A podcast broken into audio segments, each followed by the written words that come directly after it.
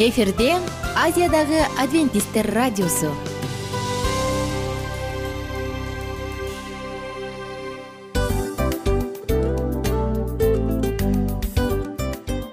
Достор салют.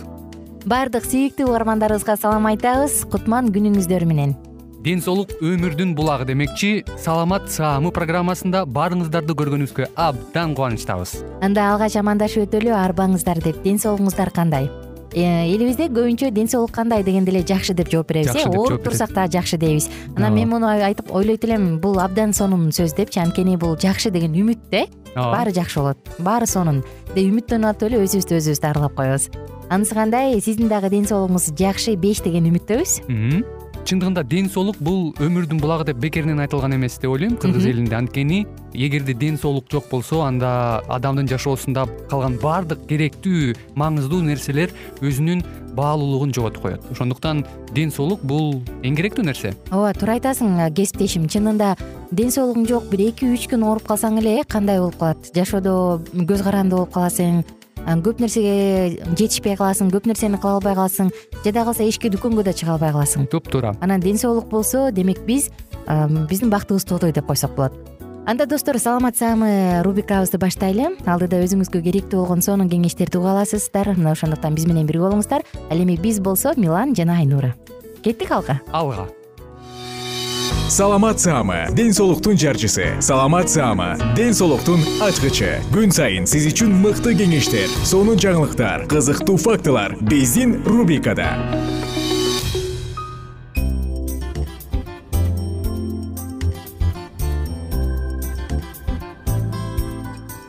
Салют достор сагынычтуу салам баардык угармандарыбызды кайрадан жыштыгыбызда укканыбызга абдан кубанычтамын. Аты жөнүм айнура миназарова. Кызыңыздар мен кызматтамын кайрадан.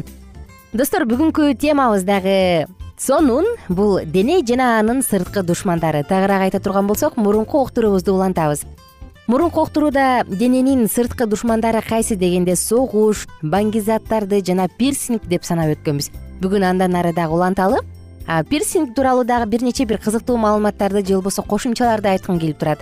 Пирсинг эмнеси менен коркунучтуу? Кээ бир айымдар пирсингти дал ушул эмчегине төшүнө тагып алат эмеспи. Бул абдан коркунучтуу анткени эмнеси менен коркунучтуу дей турган болсок кийин ал баланы эмизип балага эмчек эмизе албай калышы мүмкүн. Анткени сүт келген атайын каналдарды фиброздорду чакырат дагы коркунучтуу ооруга чалдыктырат. Абайлаңыз ал эми оозго пирсинг тага турган болсо анда бүйлөө сөзсүз сезгенет суук тиет жана тиш дагы бузулат. Ошондуктан сулуулуктан жылуулукпу же кандай мына байкаңыз. Дагы да айта кетсек коркунучтуу атакалардын бири денеге денеге салынган атакалардын бири. Бул эң эле жаман мамиле кылуу. Каардуу мамиле десек жаңылышпайм го дейм бул албетте адам физикалык жактан эмоционалдык жана сексуалдык жактан чалдыгышы мүмкүн. Эгерде кимде ким адамга дал ушул үч жаатта туура эмес мамиле кыла турган болсо бул сөзсүз түрдө физикалык кордук зомбулук зордук зомбулук деп эсептелет. Зордук зомбулуктун ар кандай формалары бар? Эгерде кимдир бирөө ушул нерсени байкаса анда алдыда эмне кылыш керек экенин айтып беребиз. Мындай зордук зомбулукка көп учурда аял заты чалдыгып калат э байкайбыз балдар жана улуу муун ошондой эле жан жаныбарлар.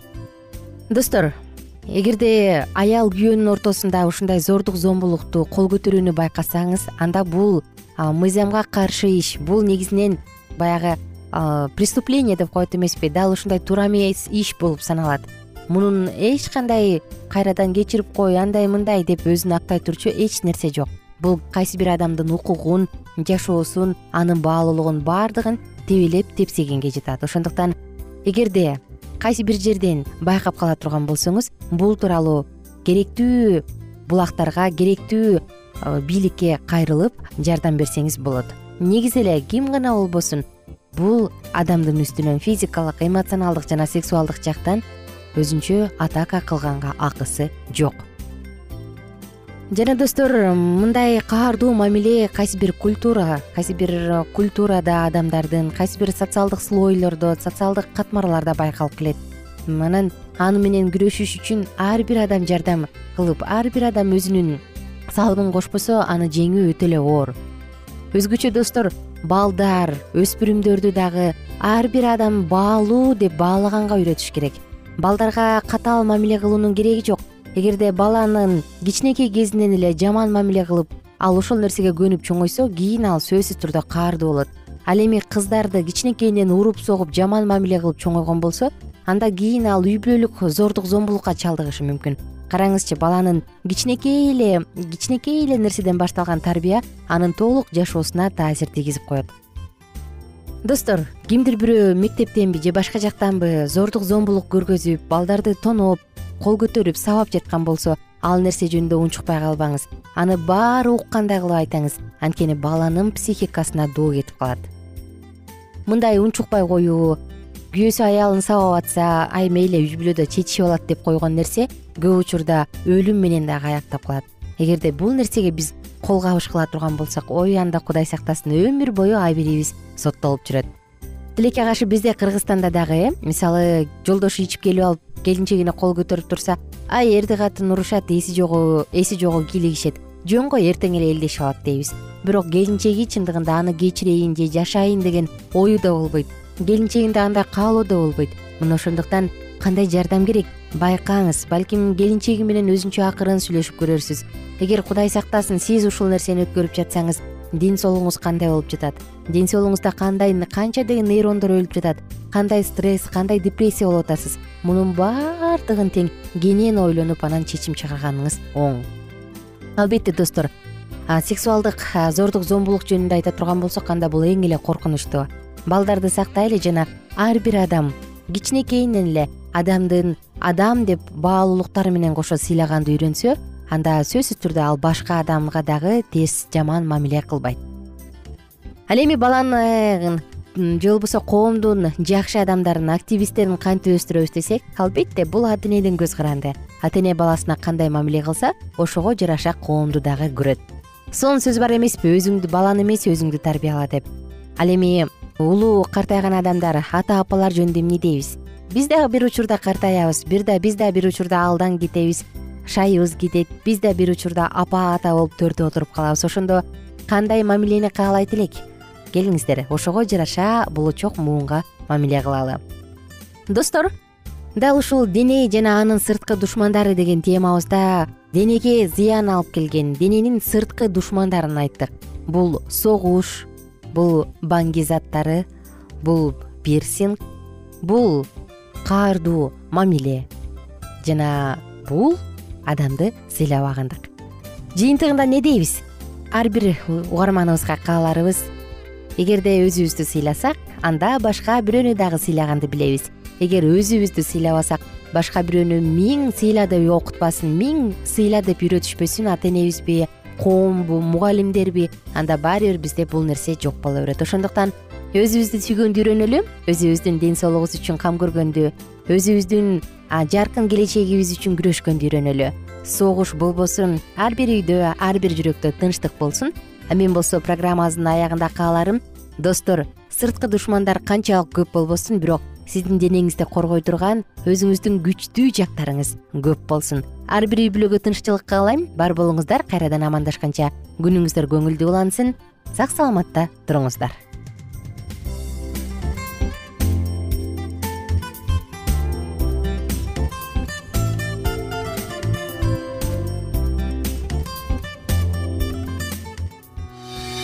саламат саама ден соолуктун жарчысы. Саламат саама ден соолуктун ачкычы. Күн сайын сиз үчүн мыкты кеңештер сонун жаңылыктар кызыктуу фактылар биздин рубрикада.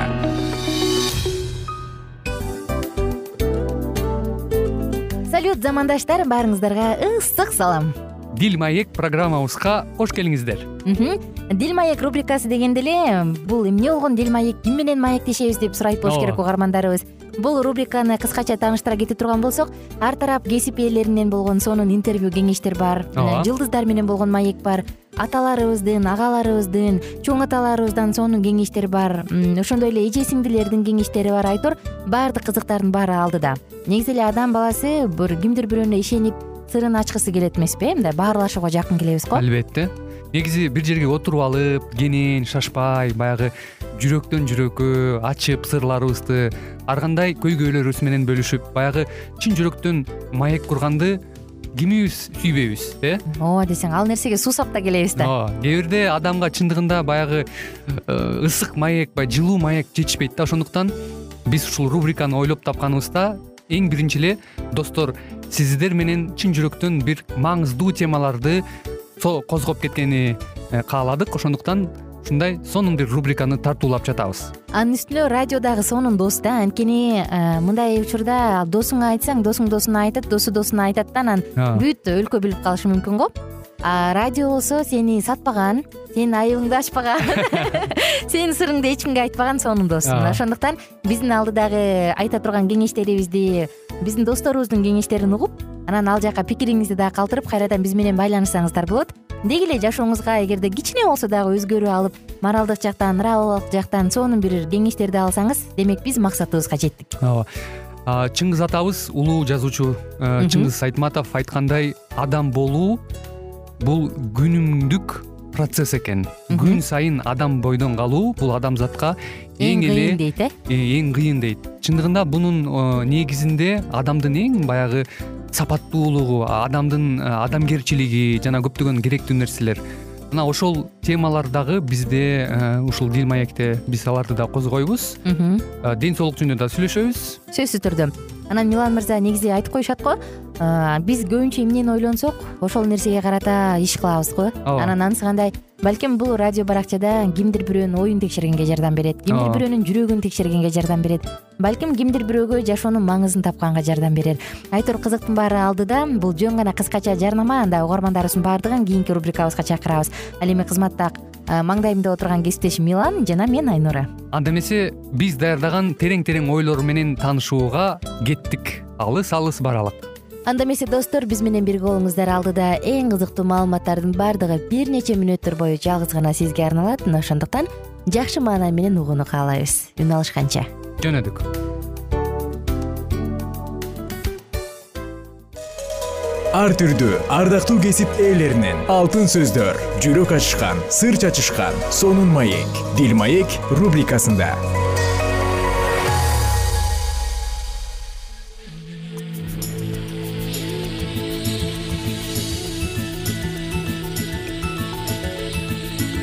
саламатсыздарбы кымбаттуу радио угуучулар кайрадан эле сиздердин назарыңыздарда кыргызстанга саякат аттуу берүүбүздү кездешип жатканыбызга өтө кубанычтабыз адаттагыдай эле микрофондо кызматыңыздарда аты жөнүм мен улан кубанычбеков бүгүнкү э, программабыздын чыгарылышында биз өткөн берүүбүздү э, сиздердин эсиңиздерге салып өтсөм.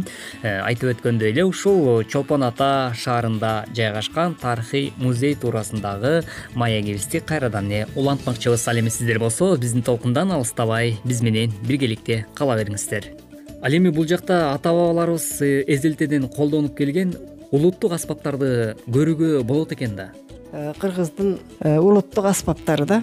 Мына могу жерде сүрөт турат кандай улуттук аспаптар бар. Мына комуз моңоруке комузду токтогул комуз деп коет. Тигил автордун комузу автор мынакей кенчинбаев орозобай деген ошол комузду абдан жакшы чапкан бала. Моңоруке нотага салып могу ооз комузду момунтип Э, комплектиси менен э, чыгарган бала. Муну оркестровый комуз деп коет да ооз комузду канчасы турса ону ошол өзгөчө үн чыгарат да ошол оркестр баары чогулганда анан бир жакшы болгондорду берет. Бул э, биздин ошол күү чыгарган ыбырай туманов карамол дорозов сыяктуу атактуу адамдар. Мынакей күбөңкеев иманкулов чала кызы улуусу исабаев чала кыз кичүү кийинки самара токтокунова жубайы азыр эми балдары да ырчы чыгып жүрөт. Анан мына бобуреки э, орозобай кенчинбаев деген ушу кыргыздын инструменттерин баардыгын жасайт. Могуреки авторскийлер могуреки комуз э, жоон үндүү тенор комуз деп коет э, комуздун жоон үн бере турган түрү. Анан бул авторский комузу добул бастын эчен түрлөрү мынакей. Бул чоң добул бас муну менен урганда жанакы чоң тойлордо анан бир жоого каршы турарда элди чакырык кылганда ушундайларды. Ар түрдүү добул бастар бар. Жоон үн бере турган бобурекил э, ошол абдан чоң кагылган үнү өтө катуу чыга турган добул бас да кичирэк оркестровый кичинекей артүү добулбастар бар. Мынакей бул жерде турат сурнай керней керней мүйүз керней тетиги жерде мынакей бул жерде сыбызгы чор анан бул чопо чор аса таяк деп коебуз аса муса жылаажын ушундай мына така ушинтип эле өзүнүн колдо болгон материалдарын. Алып эле жыгач карагай анан тиги койдун чегисинен кыл тагып дегендей э, ушинтип эле колдо болгон нерседен эле инструмент жасап эле э, аспап жасап эле укмуштай күүлөрдү чыгарышкан да эмне деген күүлөр калды ата бабалардан кол өнөрчүлүккө болгон э, кыргыздардын өнүгүүсү бул жерден биз көрүп турабыз. Бул туурасында дагы тааныштырып берсеңиз. Эми бул зергер буюмдар кыздар аял кишилер кыргызда Э, момундай элечекке таккан э, шөкөлөгө таккан мына моерекинтип тумарча э, кандай кооз азыркы кезде дагы биздикилер жасап атат. Бул илгерки ошол ата бабалардын жасаганынан калган нерселер. Эмне деген ушундук таң калып кетишет ушу четтегилер көрүп аябай зергерлик катуу өнүккөн экен деп. Бул кур курлар абдан кооздолгон мынакей күмүш менен ушунун баары тең анан могу жерде ушулардын баарын оборудованияны ленинграддан жасатып келдик. Анан э, булардын баары ачык турганда болбойт. Тентеги болбой эл болбойт деп элдер киргенде укулап чукулап чыгарып алган күндөрү да болуп кармап алган күндөрүбүз болгон. Анан ошол ленинградка заказ берип э, ушул экспозиционный оборудование алып долбоор менен алганбыз. Мына азыр санаабыз тынч бекилүү турат. Сигнализациясы өзүндө. Бул дагы күмүштөн жасалган эр Э, аял кишилер тагынган эр тетигинде асыл таштардан күмүштөрдөн кошуп туруп момундай кылып кооздоп жасалган эми биздин ата бабалар ушундай э, өтө аздектеген да. Э, күмүштү өтө жогору койгон. Күмүш ден соолукка да жакшы деп анан кийин баардык нерсени ошо күмүш менен кооздоп моминтип асыл таштарды кошуп эмне деген зергер буюмдарды жасашкан. Ушул ушулардын баардыгы тең ошо илгеркиден бери келип отуруп бизге жеткендерди ушинтип аздектеп сактап отурабыз көргөзүп атабыз балдарга. Анан ушулардан келип алып боз үйдүн детальдарынан алып боорукелүү детальдардан алып азыркы мастерлер э, ушуга окшоштуруп кичине башкачараак кылып азыркы материалдар менен кооздоп окшоштуруп бирок эмесин сактайт да формасын сактайт жасалышын сактайт илгеркини уланышта уланып ошого окшоштуруп жасап элдер тагынып жүрүп атат. Бул эми баягы э, октябрь революциясынан кийинки кыргыз республикасы болгондогу э, тарыхты чагылдырат бул жер. Э, ошол кездеги билим алуу анан айыл чарбасынын өнүгүүсү мынакей конезавод деген болгон атактуу бул жерде. Ошолордун тарыхы. Анан согуштан бизде мынакей канча герой бар панфиловцылар бар бизде. Панфиловдун дивизиясындагы составында болгондор мынакей. Андан кийин келип анан кийин э, окумуштуулар мына окумуштуулар ойлоп көп нерсени чыгарган. Мынакей акунбаев жүрөк операция кылган жазуучулар э, анан мына чыңгыз айтматов. Чыңгыз айтматовду кенен берип атпайбызбы? Баягы манастан кийин кыргызым мактаныч кылчу чыңгызын дегендей манастан кийинки эле кыргыздын атагын дүйнөгө тааныткан чыңгыз агабыз ушул кишинин өмүр жолу тууралуу бул кишинин атасы өзүңөр билесиңер репрессияга туш болгон адам. Төрөкул айтматов анын замандаштары. Анан чыңгыз айтматов боюнча анын чыгармалары боюнча тартылган э, кинофильмдерден кадрлар ошолордун сүрөттөрү. Анан э, биздин өзүбүздүн райондо уюшулган ырбий ансамбль ошолордун формалары чыңгыз агабыз айткан да маданият бул адамдар тарабынан кылымдап түзүлүүчү экинчи аалам деп кылымдап э, биздин элибиздин тарыхын чагылдырып маданиятын үрп адатын каада салтын чагылдырып келет да абдан жакшы чоң рахмат. Э, бүгүнкү берүүдө дагы э, атайын убактыңызды арнаганыңыз үчүн сизге ыраазычылык билгизебиз. Ал эми кымбаттуу радио көрөрмандарыбыз э, ушуну менен бизге бөлүнгөн убактыбыз дагы өз соңуна келип жетти. Эмки берүүбүздөн биз кайрадан эле дал ушул чолпон ата шаарынын борбордук аянтында орун алган тарыхый музей туурасындагы уктуруубузду эмки берүүбүздө дагы улантмакчыбыз. Андыктан урматтуу радио көрөрмандар кайрадан эле сиздер менен дал ушул аба толкундан үн алышканча аман болуңуздар жана сак саламатта болуңуздар деген тилек менен бүгүнкү программа көшөгөсүн жапмакчыбыз.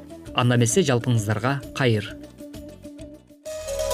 Ар түрдүү ардактуу кесип ээлеринен алтын сөздөр жүрөк ачышкан сыр чачышкан сонун маек дил маек рубрикасында.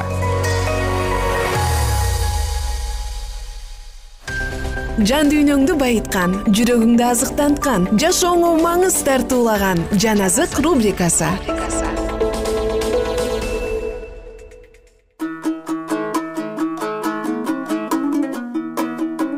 амансызбы бурадарым? Жалпыңыздар менен амандашканыбызга кубанычтуубуз сиздер менен бирге улуу күрөш китебин улантабыз. Чындыктын жарчысынын милдети эмнеде адамдар кабыл албагандыктан жана алардын кыжырын кайнаткандыктан ал чындыктын насаатын айтуудан баш тартышы керекпи? Жок. Ал биринчи реформаторлор сыяктуу каршылык болгондугу үчүн эле кудай жөнүндө күбөлөндүрүүсүн калтырып койбошу керек ыйыктар аркылуу күбөлөндүрүлүп келген ишеним кийинки муундарга жакшылык алып келүү үчүн тарыхка кирген.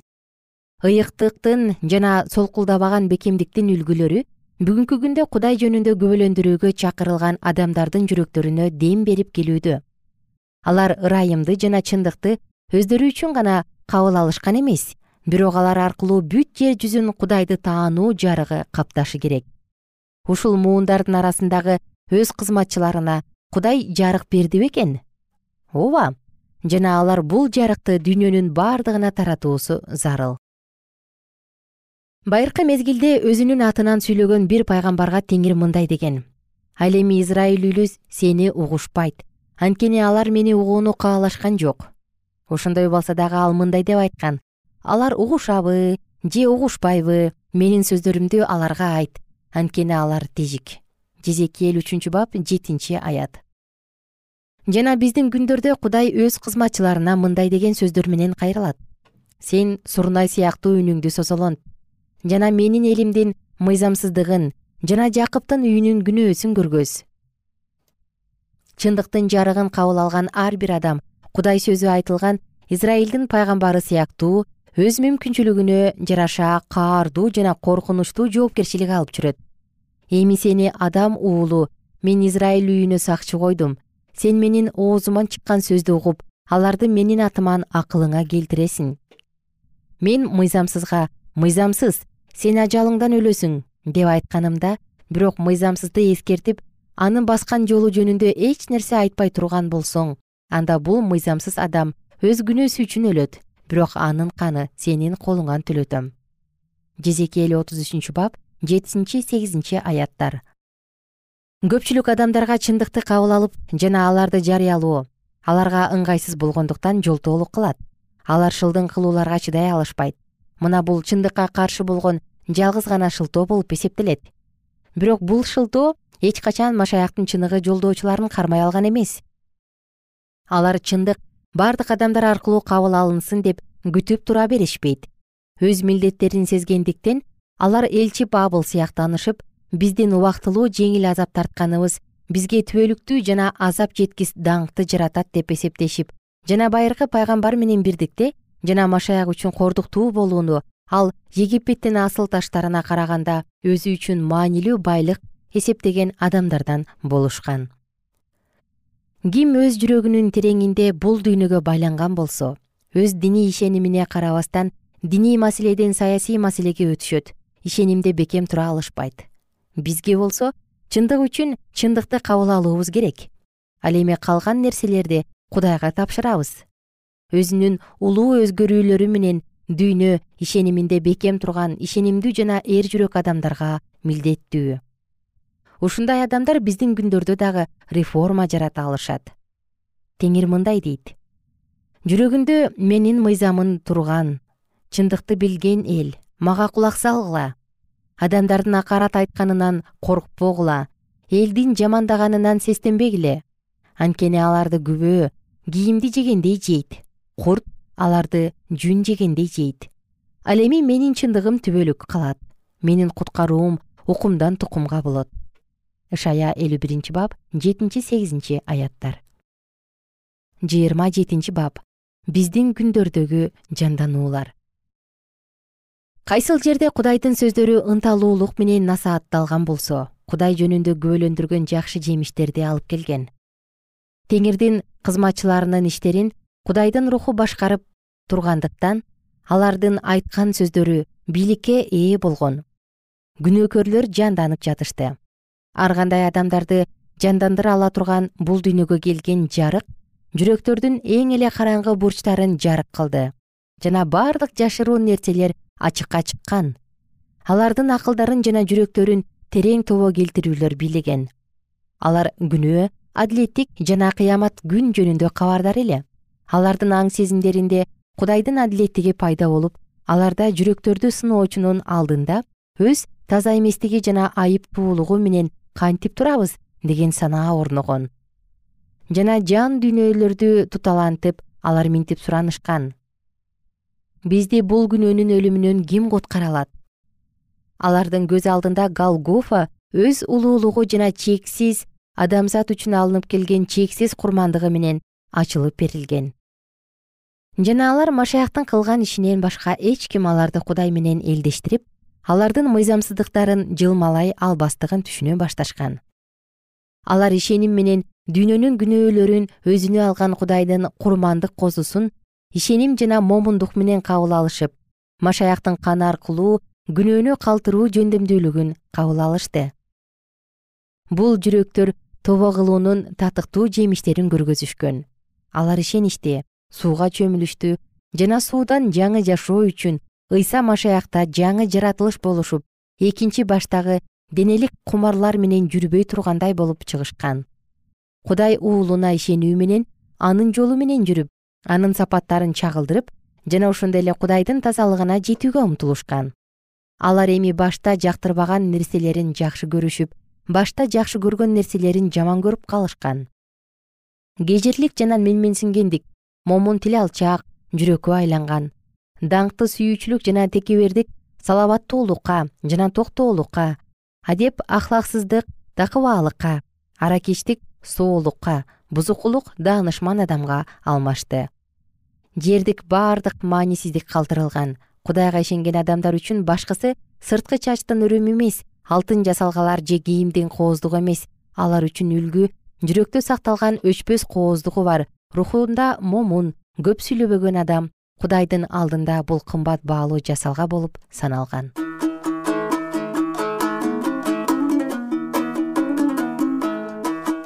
кымбаттуу досум сиздер менен улуу күрөш китебинен дагы бир үзүндү окуганыбызга кубанычтабыз. Кийинки уктуруубуздан амандашканча сак саламатта туруңуз.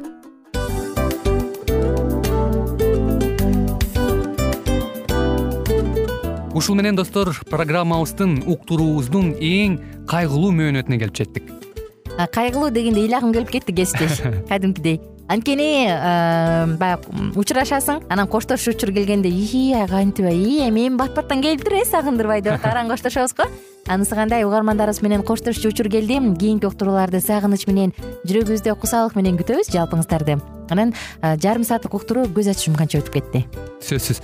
Бирок бизде жакшы кабар бар. Кийинки уктурууларыбызда сөзсүз дагы кезигишебиз. Анткени биз көптөгөн сюрприздерди кызыктуу маалыматтарды жана керектүү керектүү нерселердин көпүнчөсүн даярдадык анда угармандарыбыздын баардыгына ийгиликтүү күн каалайбыз эгерде бүгүнкү күнүңүз өзгөчө э, өтүшүн кааласаңыз анда позитивдүү ой жүгүртүп жылмайып жакындарыңызга жакшы маанай тартуулап жүрө бериңиз анткени сөзсүз түрдө мунун арты кайтат э? Сөзсүз. Баягы ден соолугуң оңолот ал бул деп көп нерсени санап келебиз. Эң негизгиси бул сиздин жашооңузду жаркын кыла түшөт экен.